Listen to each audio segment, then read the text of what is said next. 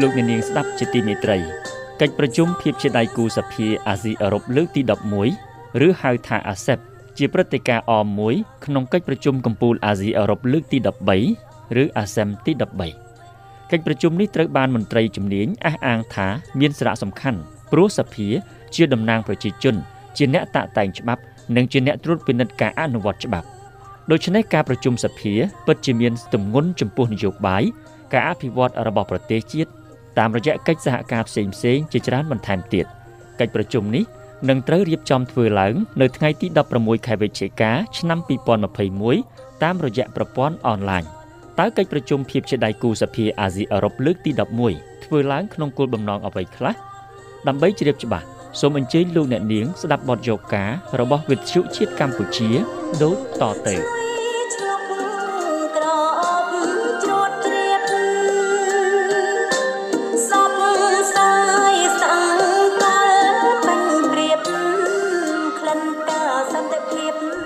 លោកអ្នកនាងស្ដាប់ជាទីមេត្រី នៅពេលប្រទេសណាមួយក្លាយជាម្ចាស់ផ្ទះនៃកិច្ចប្រជុំកំពូលអាស៊ីអឺរ៉ុបហៅកាត់ថាអាស៊ឹមប្រទេសនោះក៏ជាម្ចាស់ផ្ទះកិច្ចប្រជុំភាពជាដៃគូសភាអាស៊ីអឺរ៉ុបដោយស្វ័យប្រវត្តិផងដែរ។ ដោយអាសឹមត្រូវបានធ្វើឡើងរវាង2ឆ្នាំម្ដង ហើយអាសឹមលើកទី13នេះត្រូវធ្វើនៅឆ្នាំ2020ដែលប្រទេសកម្ពុជាធ្វើជាម្ចាស់ផ្ទះប៉ុន្តែដោយការរាតត្បាតជាសកលនៃជំងឺ Covid-19 មិនមានការស្រាកស្រាននៅទូទាំងសកលលោកទើបធ្វើឲ្យកិច្ចប្រជុំនេះត្រូវលើកពេលមកឆ្នាំ2021វិញតាមរយៈប្រព័ន្ធវីដេអូ កិច្ចប្រជុំភាពជាដៃគូសភាអាស៊ីអឺរ៉ុបលើកទី11ជាព្រឹត្តិការណ៍អមមួយក្នុងចំណោមព្រឹត្តិការណ៍អមទាំង6ផ្សេងទៀតកិច្ចប្រជុំនេះប្រារព្ធធ្វើឡើងក្រោមប្រធានបទការពង្រឹងភាពជាដៃគូសភាដើម្បីសន្តិភាព និងការអភិវឌ្ឍដោយចីរភាពក្នុងសម័យនិងក្រោយវិបត្តិកូវីដអាយដាមលេងពេញឡុងអគ្គលេខាធិការរដ្ឋសភាបានមានប្រសាសន៍បញ្ជាក់ដូចនេះថា ការពង្រឹងភាពជាដៃគូសភាដើម្បីសន្តិភាព និងការអភិវឌ្ឍដោយចីរភាព ក្នុងសម័យនិងក្រោយវិបត្តិ COVID-19 នេះជាប្រធានបទរបស់អាស័ព្ទទី11មានន័យថាដំបូងគឺយើងនិយាយគ្នាថាធ្វើម៉េចបានសន្តិភាពហើយបានសន្តិភាពហើយនិយាយពីការអភិវឌ្ឍអភិវឌ្ឍនៅក្នុងសម័យការរាតត្បាត COVID-19 និងក្រោយ COVID-19 អញ្ចឹងយើងអត់និយាយអីនៅក្រៅពីនឹងនិយាយពីការអភិវឌ្ឍហើយនិយាយពីសន្តិភាពនិងការអភិវឌ្ឍហើយការអភិវឌ្ឍនេះវានឹងអាចធ្វើទៅបានលុះត្រាតែមិនណាធ្វើមិនអាចបានគឺថាតតែពហុភាគីនិយម ឯកឧត្តមលេងពេញឡុងបានបន្តទៀតថាក្នុងប្រធានបទធំក៏មានមូលបទតូចតូចអមចំនួន3ទៀតដែលអង្គប្រជុំនាំគ្នាពិភាក្សាដោយប្រទេសក្នុងទ្វីបទាំងពីរនិងឲ្យតំណាងរបស់ខ្លួនមកពិភាក្សាតាមមូលបទនីមួយៗមូលបទទី1គឺដាក់បូរេសកម្មភាពសភាដើម្បីសន្តិភាពសន្តិសុខនិងវិបុលភាព គឺបានសេចក្តីថាយើងពិភាក្សាអំពីសន្តិភាពសភានិយាយពីថាធ្វើម៉េចបកលលក្ខខណ្ឌដើម្បីសន្តិភាពនិងវិបុលសុខនិងវិបុលភាពនៅក្នុងទ្វីបទាំងពីររបស់យើងនេះឬក៏នៅក្នុងពិភពលោកនេះជាប្រធានបទរបស់ក្រុមពិភាក្សាលើកទី1គឺថាប្រទេសនៃទ្វីបទាំងពីរនេះនឹងបញ្ជូនតំណាងមកពិភាក្សាចូលក្រុមពិភាក្សាទី1ពិភាក្សាប្រធានបទមិញហ្នឹងក្រុមពិភាក្សាទី2ហ្នឹងមានប្រធានបទការលើកកម្ពស់ការស្ដារសេដ្ឋកិច្ចសកលឡើងវិញក្នុងសម័យនិងក្រោយវិបត្តិ COVID-19 នេះជាប្រធានបទទី2 សម្រាប់ក្រុមពិភាក្សាទី2មានក្រុមពិភាក្សាទី3មួយទៀតគឺនឹងពិភាក្សាអំពីការឆ្លើយតបទៅនឹងអន្តរកម្មនៃសន្តិសុខទឹកធម្មពលនិងស្បៀងក្រមអធិពលនៃការប្រែប្រួលធាតុអាកាសតើយើងត្រូវឆ្លើយតបយ៉ាងណា ចំពោះបញ្ហាសន្តិសុខទឹកសន្តិសុខធម្មពលសន្តិសុខស្បៀងបីនឹងក្រមអធិពលនៃការប្រែប្រួលធាតុអាកាសនឹងគឺសំខាន់ណាស់អ្វីដែលជីវិតមនុស្សត្រូវការយើងពិភាក្សាគ្នាបញ្ហាហ្នឹងជាបញ្ហាដែលធំ ជាបញ្ហាមនុស្សគ្រប់រូបមិនមែនថាទ្វីយើងពីរទេក្រោយពីប្រជុំអាសឹបនឹងមានសេចក្តីចេញថ្លែងការណ៍រួមមួយដើម្បីឲ្យប្រធានអាសឹបយកសេចក្តីថ្លែងការណ៍នេះទៅជូនប្រធានកិច្ចប្រជុំកំពូលអាស៊ីអឺរ៉ុបលើកទី13ដើម្បីធ្វើការពិចារណាពិនិត្យនិងអនុវត្តការទូតសភាមានទម្ងន់ដោយសារសភាជាតំណាងប្រជាជនជាអ្នកតែងច្បាប់ជាអ្នកពិនិត្យការត្រួតពិនិត្យច្បាប់អញ្ចឹងលោកដឹងសុខសុខទុក្ខប្រជាជនលោកនឹងមានគំនិតលោកនឹងស្នើទៅដល់នីតិប្រតិបត្តិ ដើម្បីពិចារណាអនុវត្តដូច្នេះយើងយល់ទៀតថាទ្វីបអាស៊ីនិងទ្វីបអឺរ៉ុបជាទ្វីបធំទ្វីបមានចំណាស់ទាំងពីរហើយមានអប្រាជ្ញធំធំ មានអរិយធម៌ខ្ពង់ខ្ពស់មានសេដ្ឋកិច្ចរីកចម្រើន មានកម្លាំងខ្លាំងក្លាលើពិភពលោកអឺរ៉ុបនឹងគឺថាវារីកចម្រើនខ្លាំងហើយប៉ុន្តែអាស៊ីនឹងក៏មិនអន់ដែរគឺមានក្នុងប្រទេសទាំងទ្វីបទាំងពីរហ្នឹងមានយើងគិតមើលបើក្នុងនៃក្រមប្រសាសន្តិសុខមានចិន មានរុស្ស៊ីមានអង់គ្លេសបារាំងមានអាមេរិកមួយដែលនៅក្រៅនៃអាស៊ីអឺរ៉ុប អញ្ចឹង4នៅក្នុងអាស៊ីអឺរ៉ុបហើយយើងអាស៊ីយើងគឺថាជាប្រទេសដែលមានចំណាស់អឺរ៉ុបក៏មានចំណាស់ប៉ុន្តែអរិយធម៌យើងក៏ខ្ពស់សម្រាប់ដែរសាសនាសឹងតែទាំងអស់កើតនៅអាស៊ីគឺអរិយធម៌ខ្ពស់ណាស់អញ្ចឹងដែលការប្រជុំនៃទ្វីបទាំងពីរនេះគឺថាពិតជាមាននៃអត្តន័យដ៏ខ្ពង់ខ្ពស់មានសារៈសំខាន់ខ្ពង់ខ្ពស់ណាស់ អាយដាមលេងពេញឡុងអគ្គលេខាធិការរដ្ឋសភាបានមានប្រសាសន៍បញ្ជាក់ថាពេលដែលសភានៃទ្វីបដ៏ធំនិងវ័យចំណាស់ដែលមានអរិយធម៌ខ្ពស់និងការអភិវឌ្ឍជឿនលឿនបានជួបប្រជុំពិភាក្សាគ្នាពិតជាបានរួមពិភាក្សាទានយ៉ាងសំខាន់ដល់នីតិប្រតិបត្តិនៃទ្វីបទាំងពីរដែលត្រូវជួបប្រជុំគ្នានៅក្នុងកិច្ចប្រជុំកំពូលអាស៊ីអឺរ៉ុបលើកទី13ក្នុងកិច្ចសហប្រតិបត្តិការតាមគោលការណ៍ពហុភាគីនិយម និងពង្រឹងបន្ថែមនៃការតភ្ជាប់នៃទ្វីបទាំងពីរដែលអាចរកឃើញដំណោះស្រាយក្នុងការសហការគ្នាសម្ដៅទៅរកការអភិវឌ្ឍគ្រប់ជ្រុងជ្រោយនៃទ្វីបទាំងពីរក្នុងអំឡុងនិងក្រោយវិបត្តិ COVID-19 ដូច្នេះសំណួរសួរថាតើប្រទេសកម្ពុជាយើងទទួលបានអ្វីខ្លះពីកិច្ចប្រជុំនេះអាយដាមលេងពេញឡុងបានបញ្ជាក់ដូចនេះថាចំពោះកម្ពុជាយើងការដែលកិច្ចប្រជុំកម្ពុជាបាន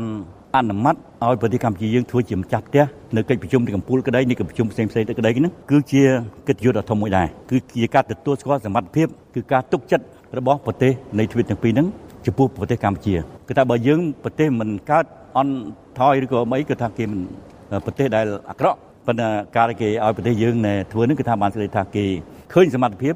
ហើយនឹងគេទុកចិត្តលើកម្ពុជាយើងហើយជាការផ្ដល់កិត្តិយសមួយឲ្យកម្ពុជាយើងផងដែរហើយការប្រជុំនេះក៏ជាឱកាស ឲ្យកម្ពុជាយើងបកស្រាយការពៀនយោបាយឯករាជ្យអធិបតេយ្យភាពអភិជាក្រិតភាពរបស់កម្ពុជាយើងបង្ហាញអំពីលទ្ធិប្រជាធិបតេយ្យនិងការបម្រើប្រជាជនរបស់យើងតោះថាឥឡូវនេះសឹងថាគ្មានប្រទេសណាធ្វើដូចកម្ពុជាទៅថាព្យាបាលកូវីដចាត់តាលិខិតកូវីដចាក់វ៉ាក់សាំងកូវីដអត់យកលុយហើយប្រជាជនបានទទួលសេចក្តីសុខច្រើនគេកំពុងវឹកវរសម្រាប់យើងគឺថាល្អជាងគេអញ្ចឹងការបម្រើប្រជាជនរបស់យើងនឹងក៏យើងបង្ហាញឲ្យគេឃើញដែរបង្ហាញអំពីការជរីកចម្រើនគ្រប់វិស័យរបស់យើង ប្រឆាំងទល់នឹងការឃោសនាមូលមកកាច់របស់បញ្ញដ្ឋានអមិត្តនិងអកតេបង្ហាញចេតនាការពារសន្តិភាពនិងកិច្ចសហប្រតិការគ្រប់វិស័យតាមរយៈប្រព័ន្ធពហុភាគីនិយមតាំងពីវិស័យនយោបាយសេដ្ឋកិច្ចនិងបរិស្ថានផងដែរដើម្បីការរីកចម្រើនទាំងអស់គ្នាយើងសង្ឃឹមថាតាមរយៈការប្រជុំនេះយើងនឹងអាចញ៉ាំងឲ្យអ្នកដែលយល់ខុសអំពីកម្ពុជាយើងបានយល់នៅការពិតហើយនឹងត្រឡប់មកមានសមានចិត្តចំពោះកម្ពុជាវិញ អាយដាមឧបនាយករដ្ឋមន្ត្រីប្រាក់សុខុនរដ្ឋមន្ត្រីក្រសួងការបរទេសបានមានប្រសាសន៍ថាកិច្ចប្រជុំកំពូលអាស៊ីអឺរ៉ុបជាវេទិកាសន្ទនាដែលមានគោលដៅជំរុញនិងលើកស្ទួយកិច្ចសហប្រតិបត្តិការជិតស្និទ្ធរវាងប្រទេសអាស៊ីនិងអឺរ៉ុបដែលឈរលើគោលការណ៍ស្មើភាពគ្នា និងដើម្បីប្រយោជន៍រួម។ ឯឧត្តមឧបនាយករដ្ឋមន្ត្រីបានមានប្រសាសន៍ទៀតថានៅក្នុងកិច្ចប្រជុំកំពូលអាស៊ីអឺរ៉ុបប្រទេសកម្ពុជាបានលើកយកប្រធានបទការពង្រឹងពហុភាគីនិយមដើម្បីកំណើនរួមគ្នាមកដោះស្រាយរួមគ្នាលើបញ្ហាផ្សេងផ្សេងកម្ពុជាយើងបានលើកសំណើហើយនឹងបានទទួលការគ្រប់គ្រងផងដែរដាក់ប្រធានបទគឺពង្រឹងពហុភាគីនិយមដើម្បីវិបលភាពរួមឬក៏ដើម្បីកំណើនរួម ជាអង់គ្លេសយើងថា strengthening multilateralism for share growth មានពាក្យពីរដែលសំខាន់ជាពាក្យពីរកលឹះទី1គឺពាក្យពហុភាគីនិយមហើយនៅពេលដែលប្រទេសមួយចំនួនមហាអំណាចធំធំខ្លះហ្នឹងគាត់គិតពីផលប្រយោជន៍ផលទួនជាធំងាកចេញពីពហុភាគីនិយមទៅរកឯកតោភាគីនិយមដើម្បីធ្វើយ៉ាងម៉េចឲ្យប្រទេសរបស់គាត់ចំណេញច្រើនជាងគេបើយើងនិយាយចេះទៅ ពាក្យទី2កលឹះគឺពាក្យវិបលភាពឬក៏កំណើនហើយកំណើននេះមិនមែនកំណើនសម្រាប់អាណាទេគឺកំណើនរួមគ្នា share ចែកម្លែកឲ្យគ្នាទៅវិញទៅមកឲ្យដើម្បីឲ្យបានទាំងអស់គ្នាអញ្ចឹងប្រធានបទនេះត្រូវបានទទួលស្វាគមន៍យ៉ាងខ្លាំងពីសំណាក់មេដឹកនាំទាំងអស់នៃជាដែលជាសមាជិក ASEAN នេះ